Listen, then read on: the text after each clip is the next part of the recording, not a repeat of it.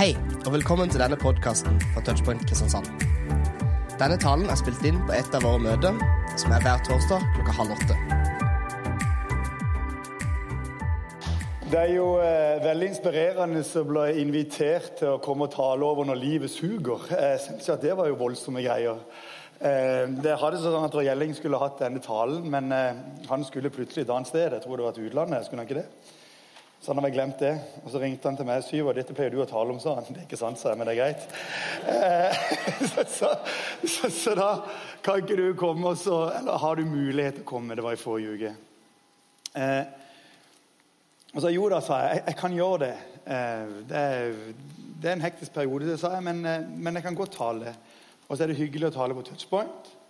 Og så er det jo veldig koselig fordi at eh, når jeg kommer til touchpoint, så er det nesten som å komme hjem. Det er flere årsaker til det. ene at dette er kirka jeg går i. Det er det ene. Det her Jeg pleier å gå på gudstjenestefellesskap. sant? Det er her jeg hører til. Her ungene mine vokste opp. her alt det her, Og så ser jeg ut i forsamlingen og tenker at ja, mange av dere har vært lærere for før. ja, ikke sant? Kjenner jo plutselig halve salen. og tenker at det er jo, så det, det kommer hjem på mange måter, og jeg blir glad. Jeg blir glad av å se der. Takk i like måte, men da turte jeg ikke å si det. Men det er greit. Eh, eh, så jeg skal prøve da så godt jeg kan å få det så deprimert som mulig. Nei, jeg hadde håpet at vi kanskje skulle være litt deppa først, og kanskje kunne ende med litt optimisme. Litt vår. Litt at er det håp? Er det mulig når livet suger? Fins det noe som kan gi oss litt mer lys enn det du har akkurat nå? For det er helt klart at livet har forskjellige årstider, sier man ofte. Forskjellige årstider. Different seasons. Og Vi ønsker veldig ofte å være i den sesongen hvor alt er på topp. Eh, men hvis vi skal erkjenne det nå er jeg litt lenger enn dere, så skal jeg erkjenne at det er ikke alltid sånn at det er sant. Eh, så hva lærer Bibelen oss om dette? Det syns jeg er interessant. Hva lærer Bibelen oss om livet? Hva lærer Bibelen oss om de ulike sesongene? Hva lærer Bibelen oss om hvordan vi skal takle og ta tak i når livet suger, eller når livet er godt, eller når livet er halleluja, eller når livet er egentlig bare utrolig Jeg gir meg. Jeg gir opp. Jeg er ferdig. Jeg har fått nok. Jeg gidder ikke mer. Det var det. Jeg setter strek. Nå er det over. Dette var det siste jeg ville gjøre, akkurat disse tingene her. Eh, vi får se hvor jeg havner, men jeg skal lese en kjent passasje. Men jeg, jeg må starte med å be. Kjære Herre Jesus, jeg er så uendelig glad fordi at jeg får lov å tro på deg. Jeg får lov å tro på deg som min frelser. Jeg får lov å tro på deg fordi at du elsker meg sånn som jeg er. Jeg får lov å tro på deg som, som min far. Og da vet jeg, Herre Jesus, at du elsker meg sånn som jeg er. Du vet hva jeg kjemper med. Du vet hva jeg sliter med. Og så vet du hva jeg gleder meg over, hva jeg kan. Hva har det flott med, hva jeg syns er fantastisk. Herre Jesus, du kjenner meg, så jeg er uendelig glad for at fordi at du kjenner meg, så vil du allikevel ha med meg å gjøre. Jesus, du ser hjertet mitt. Du ser svakhetene mine. Du ser alt jeg bærer med meg inn på talerstolen hvis det hadde vært det da, her i dag. Eh, du ser livet mitt. Jeg vet at jeg trenger din nåde. Jeg trenger din kjærlighet. Jesus, jeg trenger at du er i det som nå skal skje. For Herre Jesus, ditt ord er liv. Men det er ikke liv når jeg taler. Det er liv når du taler, far. Så Helligånd, kom du og gjør dette til et levende møtested mellom himmel og jord. Helligånd, kom og gjør dette til et sted hvor vi får lov å se hvem du er. Vi får åpne opp for din kjærlighet, for din nåde og for din kraft, Herre Jesus. Den som forandrer og gjør ting nye. For det ønsker vi, Herre Jesus. Vi ønsker ikke, ikke at det skal suge, men vi ønsker at det skal endres, og at lyset skal komme. Herre Jesus, kom du i kveld, og la dette bli en oppmuntra kveld. Jeg ber om det, far. Amen.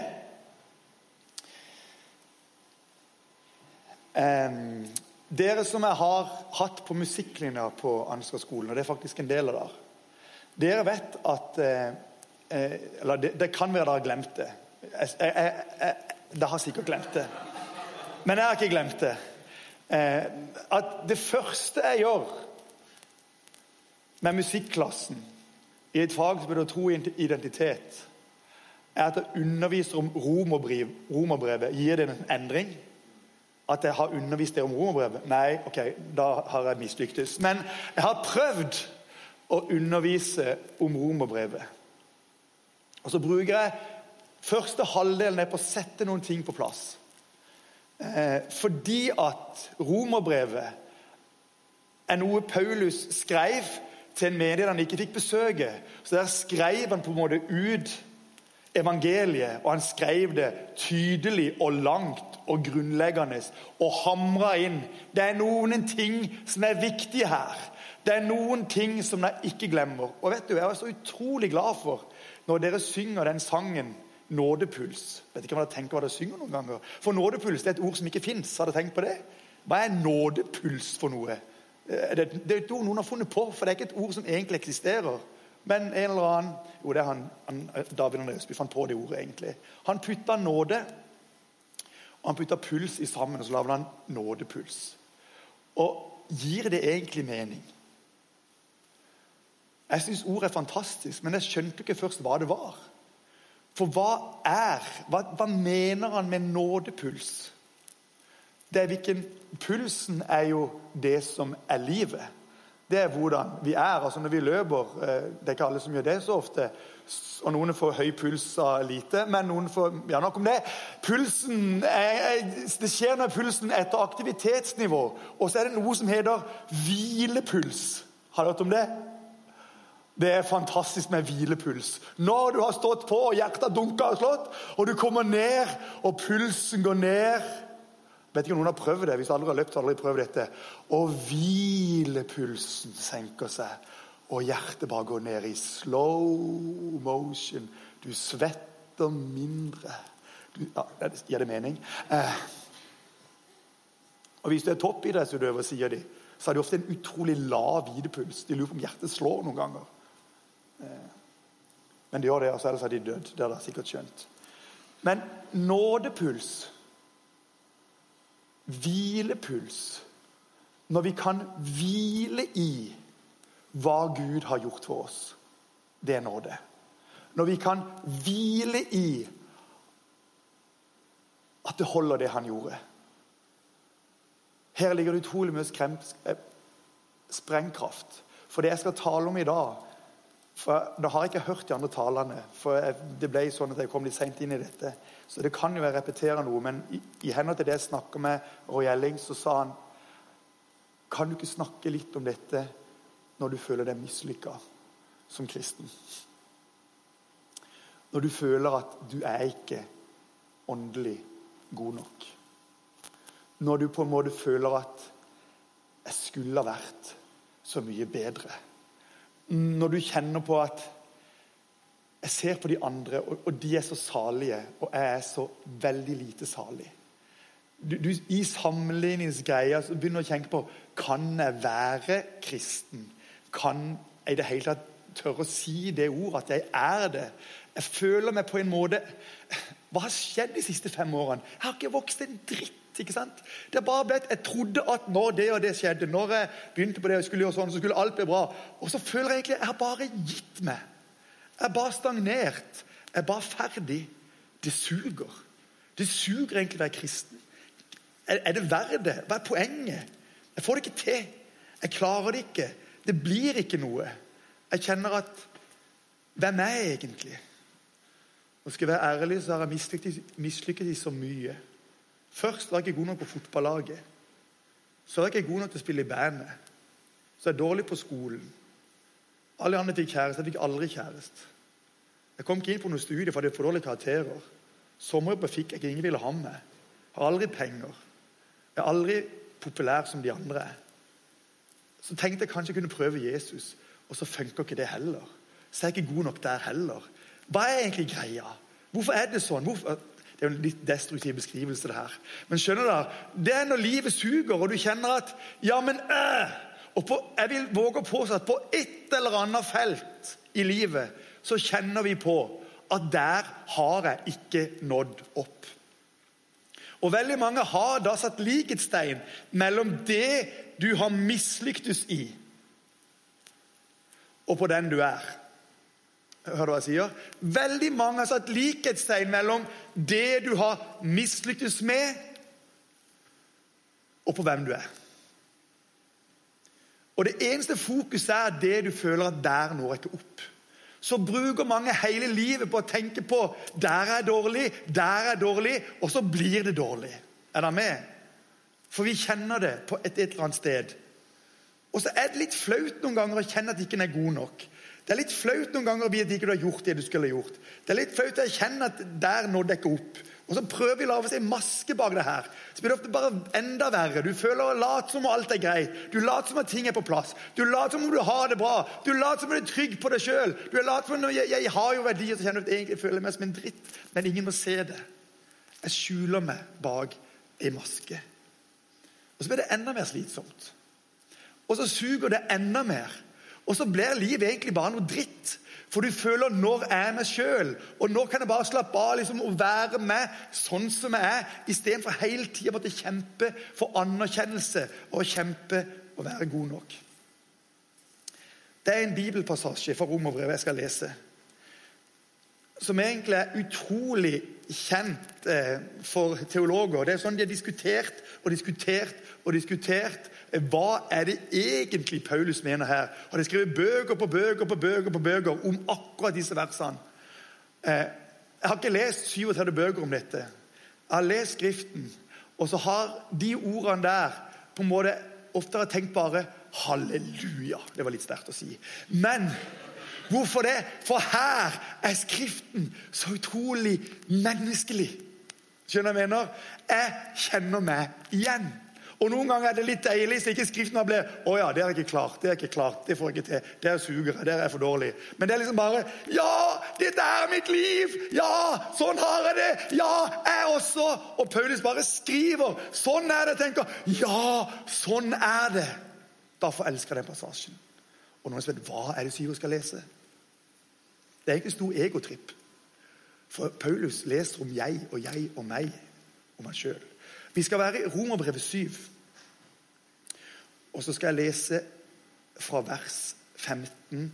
Så skal jeg lese resten av kapittel 7. Og så skal jeg lese ett eller to vers fra 8. Det er i forlengelsen. Så det, det henger sammen. Det er et lite stykke, men, men følg med. Ok, Romerbrevet 7, vers 15. Hør.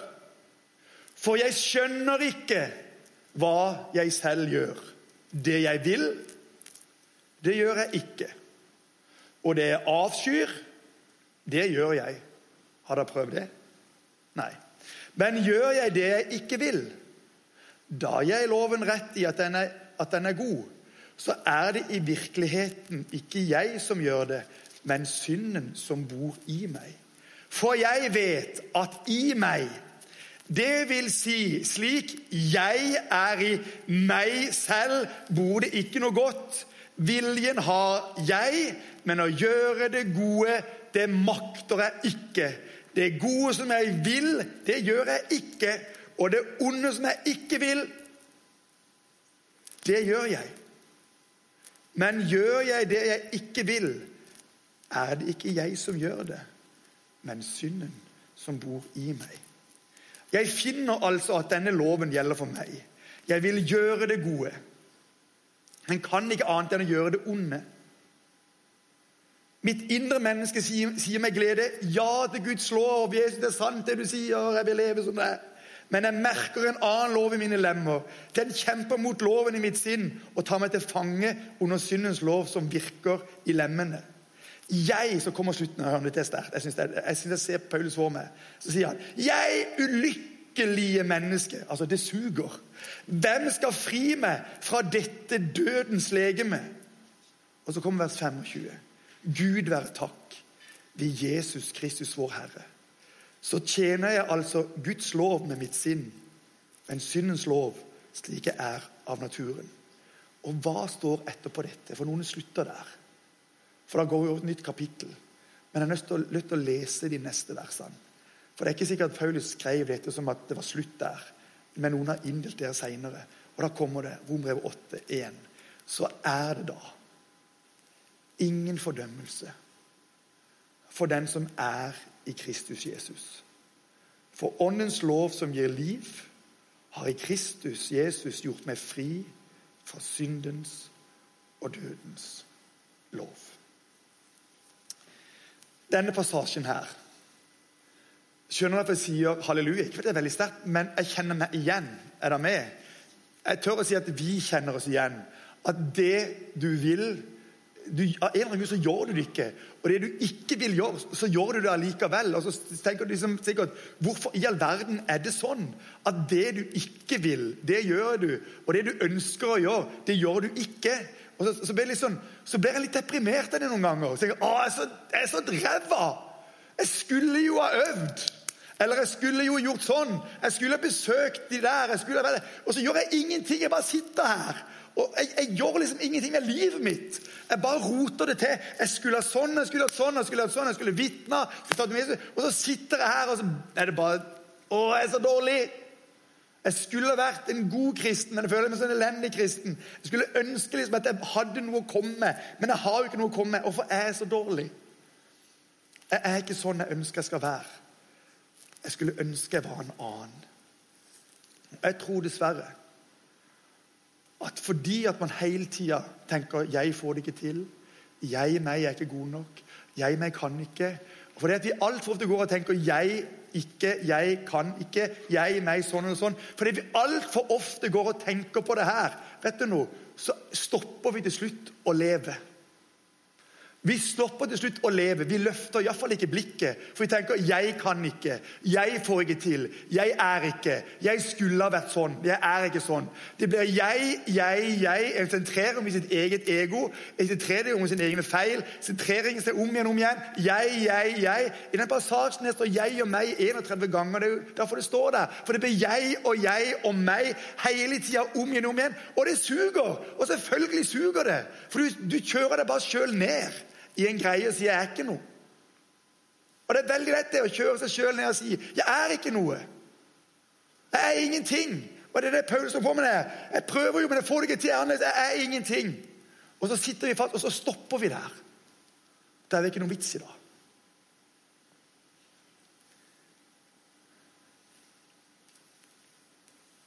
Jeg ba innledende, jeg vet ikke om du fikk med deg det. Men når jeg ba så var det litt det derre Når en på en måte har prøvd alt og følt at uansett hva du har gjort, så har du aldri lykkes helt. Jeg har snakket med mange mennesker som sier det. Syver har prøvd alt. Og egentlig ble jeg aldri god nok til noe. Det var egentlig ingen som ville ha meg når det kom til stykket. Jeg nådde liksom aldri helt opp. Så jeg har slutta med det. Jeg har slutta med det. Og så har jeg prøvd å bli kristen, og så, og så, følte jeg ikke jeg var god nok til det heller. Jeg, det var så mye sånn, Jeg skulle vært sånn og sånn. På touchpoint forventa de sånn og sånn, kanskje. Nei, det er ikke det de har sagt, men, men jeg bare sier noe. Eller de, Jeg forventa at de kristne skulle si, jeg skulle liksom leve sånn og sånn. Være, og så var jeg ikke sånn. Og så, og så klarte jeg ikke det heller. Så jeg tror egentlig jeg trekker meg derfra òg. For når jeg mislykkes der også, så vet jeg ikke. Livet suger, og jeg er ferdig. Jeg kjenner noen mennesker som har vært der og sier det suger. Jeg er ingenting. Jeg kan ikke noe. Jeg er ferdig. Dere som kjenner meg, vet jo at jeg elsker gospelmusikk. Eh, og For mange måter så er det for meg mye mer enn musikk. Folk tror at det er musikken. Ja, det begynte med musikken. Etter hvert så ble det eh, Jeg fikk jeg venner som levde i dette i New Orleans. Eh, jeg fikk oppleve kulturen de hadde. Jeg, jeg fikk på en måte så, så etter hvert så er gospelmusikk det, det, er mye mer for meg enn musikken i seg sjøl. Bare sånn at jeg skjønner det. Og det er kanskje derfor så Derfor skjønner jeg at ikke alltid folk forstår at jeg kan bruke så mye tid på det her. Men, men for meg er det mer enn bare musikk. Men noe av det som imponerer meg mest der med de sorte kirkene det, men det klarer ikke helt å forstå her vi sitter i Norge. Men det er det å forstå at de sorte er undertrykt i sitt eget land, det glemmer vi. Å vite at en sort vokser opp med en hvit overklasse, og at de alltid har vært unnskyld uttrykket, pissa på, og alltid har vært sett ned på, det forstår ikke vi. Vi skjønner det ikke. Men det er sannheten. Og Derfor så ler vi litt når vi kommer inn i kirkene. Jeg gjør det noen ganger, iallfall i starten. Når jeg fant ut at alle i kirka hadde nesten en tittel. Alle i kirka hadde en tittel. Missionary et eller annet. Deacon et eller annet. Bishop. Alle var bishoper. Vi har ikke biskoper nesten i Norge, for de hadde bishop overalt. Det var, det ene og det andre, og det var director of og minister of. Det var ministre og digitører og pastorer og bishoper og, og, vet ikke hva det var. Alle liksom hadde en tittel, og det blir bare sært for nordmann. Hallo, jeg er liksom, Alle i kirka har en tittel. Tenk hvis du hadde en tittel på touchpoint, direktør for et eller annet. Eh, kirkekaffe. Eh, ja, men sant, Du hadde minister eh, for møtevertene eller et eller annet sånt. der. Du ble sånn der, Hva er greia med det? Hva er poenget med det? Og Jeg syns bare det var komisk. For nordmenn tenker dette er jo bare sært. Men etter hvert så skjønte jeg jo mer og mer. Jeg tenkte ja, selvfølgelig. Hvorfor er det sånn? Jo, for de hadde ingen annen plass holdt jeg på å si, i det vanlige samfunnet. De hadde ingen jobb de kunne skryte av. Hvis de hadde jobb, så var det så laveste det du kunne. Det var ikke noe de skrøt av. Sant? Du hadde følt at du mislyktes det meste. Du hadde aldri penger, du hadde ikke, noe, du hadde ikke fått til noe som helst. Du følte deg mislykka. Men i kirka så ble det sagt du er velkommen her, og du har en tjeneste, og du har en posisjon, og du får en tittel. Og Jeg glemmer aldri den ene kirka var det noen gode år siden, jeg kirke som heter City of Love. Det var en, eh, en litt slask pastor som het var Lester Love. Han gjorde sånn, faktisk. Han var egentlig litt kul, men han var litt slask også. Eh, eh, men, men, men eh, eh, i den kirka der så var vi etter gudstjenesten. Så skulle vi til å gå så traff jeg en kar. Han var, han var nok i 60-åra. Han, han, var nokså liten. Han, han halta når han gikk. Han var litt krumbøyd. Eh, han var kanskje han var liksom litt sånn ødelagt i huden. Eh, det ene øyet var ikke helt oppe. Eh, og han, så litt sånn forkommen ut. Men, men så da jeg kom forbi, så, bare ser han på meg. Og så, og så, og så peker han på meg. Og så skjønner jeg at han vil si meg noe. Og jeg tenkte ja, det stopper jeg jo her, da. Møter det egentlig på, så jeg var på vei ut der. Og så, og så sier han I'm Deacon Jake. Deacon det er diakon, og de har mange diakoner. Sånn. I'm Deacon Jake. Og så ja, så flott. I'm Deacon Jake. Ja. Og så kan jeg få ei sånn skjorte som du har. Jeg hadde sånn skjorte med Ansgar gospelkor. Kan jeg få ei sånn skjorte? I'm Deacon Jake. Deacon Jake, han rørte meg.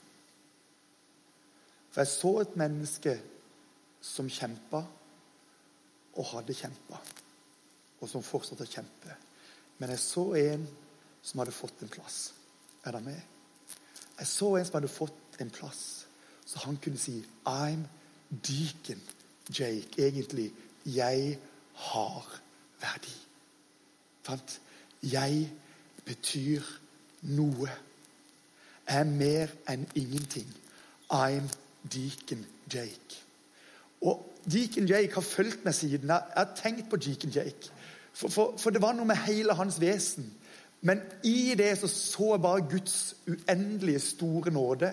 For en som hadde vært krumbøyd, og på mange måter var krumbøyd, men var på vei med å løfte hodet og våge å si 'Jeg er noe'. Jeg er noe.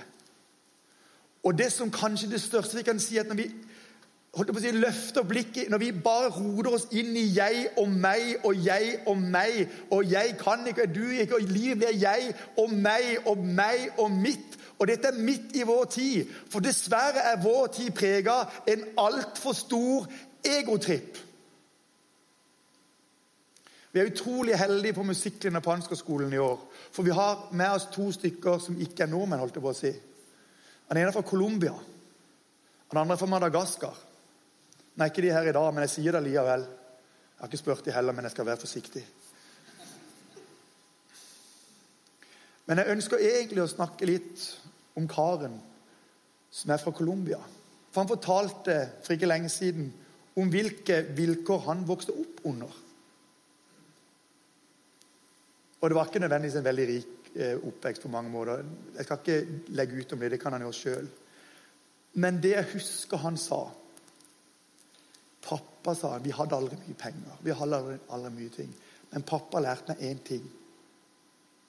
Uansett hvor lite du har, så skal vi dele. Uansett hvor lite vi har, så skal vi dele. For når vi gir, da får vi. Og for, for, og for, og for, og for vår venn i klassen så var dette opplært, og det var innlært, at hvis du har, så gir du. Og Det er utrolig sterkt for meg når jeg treffer mine afrikanske venner og, og som sier det at hvis jeg får noen penger, så tenker jeg på de hjemme. Jeg har ikke mye, men jeg har noe. Så sender jeg det til de hjemme, så de også kan få.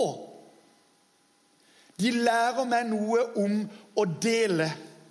Og jeg tror i vår kultur så har vi glemt om å dele, men sier 'Hva kan jeg ha?' Sant? Hva kan jeg grabbe til meg? Hva kan jeg holde på? Og så blir livet en egotipp med meg, jeg, ha, jeg, meg. Og så er det så ufattelig mye vi går glipp av. Så det er ufattelig mye, Da blir det jeg, meg, jeg, meg. Får ikke til duke, suger elendig. Øker, jeg kan ingenting. Og så kan vi ikke, så ser vi vår egen navle, og så ser vi dritten. Og det er mye dritt i livene våre. Og vi ser bare dritten, og så ser vi det, og så blir det sånn ikke noe! Jeg betyr ikke noe! Jeg kan ikke noe. Jeg er verdiløs, og jeg suger. Er det noe vits i at jeg lever mer? Hvorfor er det sånn at i verdens rikeste land så er det utrolig mange mennesker som velger å, unge mennesker som velger å avslutte sitt liv? Hvorfor er det sånn at folk går og blir syke i sin egen Det blir bare meg, og så blir det ingenting. Og så, så blir det sykdom, for det blir jeg, meg og greier. Vi løfter ikke blikket. Vi bare tar oss inn i oss selv, så blir det bare helt der. Ikke noe som helst. Jeg, meg, jeg, meg, jeg, meg. Og Det er det Paulus sier. Da vil si halleluja. Ikke fordi det er sterkt, men fordi det er sant. Og Det angår mitt liv, jeg tror det angår vår kultur. Og det, vandrer, det, det, det angår oss som sitter her. Og det suger. Men Deacon Jake lærte meg noe. At han løfta blikket. Jeg så at han sto der, men han løfta blikket for å se på meg. Og så skjønte jeg plutselig at Deacon Jake er i ferd med å løfte blikket i livet sitt. Og jeg begynner å si 'Jeg er noe'. Jeg er noe. For vet du hva? Vi er skapt av Gud. Ikke glem det. Vi er skapt av Gud. Ikke glem det. Og så har jeg lyst til å si én ting til at Herren Jesus, det vi vet om han, er at han alltid står for døra og banker. Det er fra åpenbaringsboka. Se, jeg står for døren og banker og ønsker å holde måltid eller ønsker å ha fellesskap. Ønsker å ta del i ditt liv, men da må du åpne opp, sier Herren. For jeg tvinger meg ikke på. Jeg tvinger meg ikke inn. Jeg har lyst til å si, hva, vi, hva, hva må skje for at det skal bli en forandring. For Det er kanskje det vi er mest opptatt av her vi sitter og sier, at det suger. det kan vi alt sammen, at det gjør livet mange ganger. Men hvordan kan dette endres? Nå skal jeg komme med fasiten. Nei, det er ikke noe sånn fasit. Slapp av. Men allikevel, det handler litt om holdning. Det handler litt om innstilling til livet. Og det er litt om innstilling til det vi står i. For jeg kaller oss dessverre som nordmenn altfor ofte for bortskjemte drittunger. Meg sjøl inkludert. For det handler om meg, meg, meg og meg.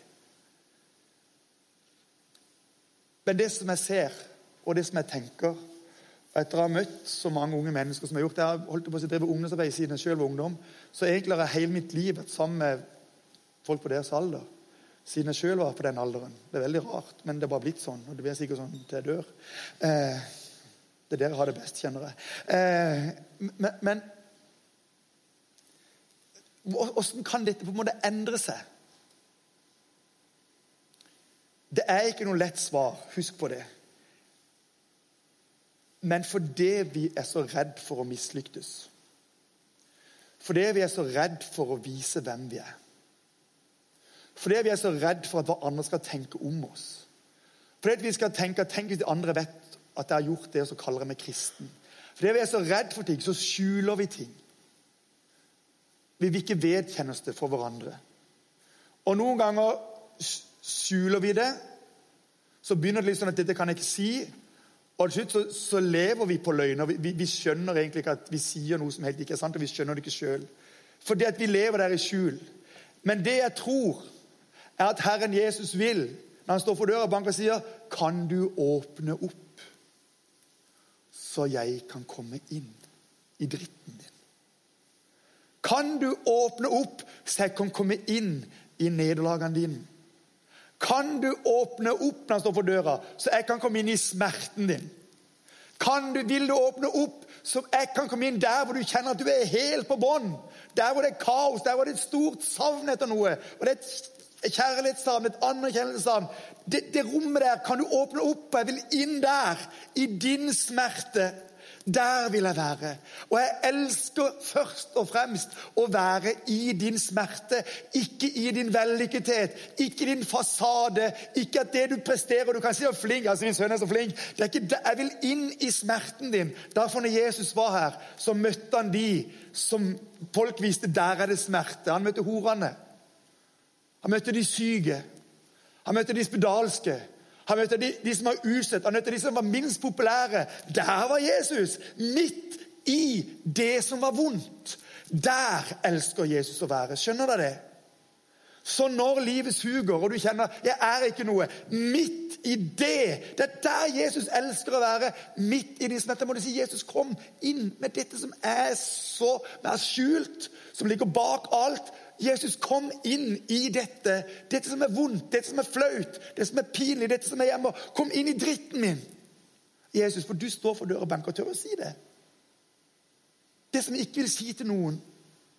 Og så tror jeg så mye på at når vi har levd bak disse maskene og lukka ting inne over så lang tid som vi ofte har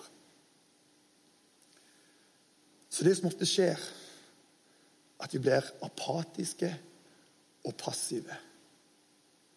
Og livet til en 19-åring, 20-åring eller 22 år gamlere skal ikke være apatisk.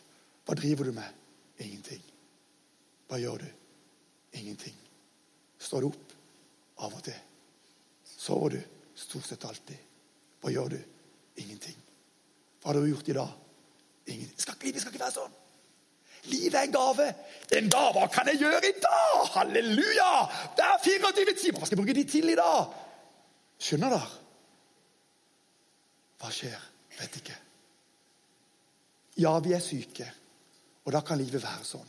Det er ikke det jeg snakker om. For, det er ikke det jeg snakker om. For det kan skje at vi blir syke og blir slått ut. Men jeg snakker om den apatien som ikke er sykdom, men som egentlig bare at vi har gitt opp alt. Vet du noe Jesus sier? Jeg vil inn der. For jeg vil ikke du skal ligge i det apatiske. Jeg vil at du skal som Deacon Jake løfte blikket og se at du er elska. For fortsettelsen var etter Rombrevet 7, det kom til 8 der, det var så er det da ingen fordømmelse for den som er i Kristus Jesus. En av våre store utfordringer er at vi ikke tør å rope om hjelp. Vi skal klare det sjøl. Kjenner dere det? Klare selv, sa noen av ungene mine da vi var små. Skal jeg hjelpe deg? Nei! Klare selv. Ja, ja, greit, det gikk jo galt. Men det greit. de måtte jo gå galt for at de skulle skjønne at de trengte hjelp. Og Det er helt greit. Det er en god lærdom, det også. Eh, men det faktisk erkjenne at du vet det, når dette får jeg ikke til. Jeg med en, jeg, jeg har hatt en jeg kjenner godt som var han var spillegal. Spillegalskap. Han var avhengig av å spille. Altså spille, spille penger. Så han hadde opparbeidet seg milliongjeld. Han var ikke gamle karen som hadde med milliongjeld. Eh, jeg skjønte ikke hvordan det var mulig. Han skjønte vel egentlig ikke sjøl heller. Det var bare blitt sånn. Men han sa jeg sa til meg sjøl hele tida at jeg har kontroll. Jeg har kontroll. Jeg skal bare spille litt til, så tjener inn dette. Jeg har kontroll. Han sa og når jeg sa at dette skal jeg få til, dette skal jeg klare, dette skal jeg rope, det skal jeg fikse Det gikk ikke det gikk helt galt, sa han. Det var først når jeg sa jeg klarer det ikke. Jeg trenger hjelp. At ting snudde. Han er ferdig med det. Han har betalt ned gjelda si. Alt er flott, holdt jeg på å si. Men han sa det var først når jeg erkjente at dette har jeg ikke kontroll på. Det var først da jeg kunne få hjelp og kunne komme ut av det. Men å ikke vil erkjenne situasjonen, da sitter jeg fast. Men å si at 'dette sliter jeg med', da kunne jeg få hjelp. Og jeg har lyst til å si jeg håper du tør i ditt liv å leve sant Og Bibelen oppfordrer oss til å leve sant, til å leve ærlig. Og Noen kan si 'Hei, jeg trenger hjelp'. Vi kan rope på Jesus. og Noen ganger er det godt, noen ganger også, også jeg har lyst til å si, Den vennskapelige praten er undervurdert. Et menneske du stoler fullt og helt på, kan åpne opp for, kan være fantastisk. For det som, du har gått med det så lenge, og det er blitt så komplisert. Men å åpne opp for en venn, åpne opp for et annet menneske, åpne opp for Gud, det som du egentlig hele tida har prøvd å skjule, som gjør at livet av og til suger. Og jeg har lyst til å si nå håper jeg virkelig at Touchpoint blir et sted hvor vi får lov å være som Deacon Jake. Vi kan være akkurat den vi er, men vi kan ha en verdi, og vi kan ha en plass. For du har det hos Jesus. Og de Jesus ser mest til i kveld, som han alltid ser mest til, det er de som kjenner på mest dritt inni seg. For Jesus sier der vil jeg være. Der elsker jeg å være. For der kan jeg bety en forandring. Og det jeg ønsker, er at mørket skal bli lys. At natt skal bli dag. At mismot skal bli mot. At håpløst skal bli håp. Og For å få det så trenger vi å vite at vi vandrer i Herrens nådepuls. I Herrens kjærlighet. Dette er en tekst som utfordrer meg, og da tipper han utfordrer dere. Og nå vet jeg hvordan han gjør det her på touchpoint, men noen ganger er det godt å kunne si 'be for meg', for det suger. Jeg trenger hjelp. Jeg har noen ting i livet som, som egentlig er kjempekomplisert. Og jeg har levd bak fasader så lenge. Jeg orker det egentlig ikke mer. Jeg vil være meg sjøl. Og det er godt å kunne si det til noen. Vær så snill og be.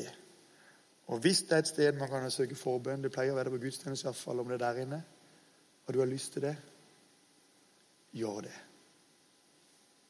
Jeg har ikke spurt henne om dette, bare gjør det for det. For jeg tror at i dag vil Herren renske ut dritt og gi nytt håp og nytt mot. Kjære Herre Jesus, jeg takker deg for det du er Gud. Jeg takker deg for at du er en kjærlig Gud som elsker oss. Og kjære Herre Jesus, du ser vårt hjerte. Du ser hvem vi er. Du ser hva vi bærer med oss. Herre Jesus, jeg vil love opp for deg mitt indre. Kom inn til det som jeg syns er vondt, Herre. For jeg vet at det er der du egentlig liker å være best. Hjelp meg, hjelp oss alle til ikke bli så egosentriske, men hjelp oss til å dele til å gi til hverandre, så vi løfter blikket på den måten. Hjelp oss til å løfte blikket når jeg sier, 'Herre, vi trenger hjelp'. Egentlig er jeg utrolig redd. Jeg har bare skjult meg bak en fasade. Jeg er livredd et lite barn, egentlig. Herre, jeg trenger hjelp til å våge å leve fullt og helt sånn som jeg. Jesus, takk for at du er her en torsdag kveld i Randesund. Vi er akkurat de vi skal være her i kveld. Det tror jeg på. Og så vet jeg at du ønsker å gjøre akkurat det du ønsker å gjøre.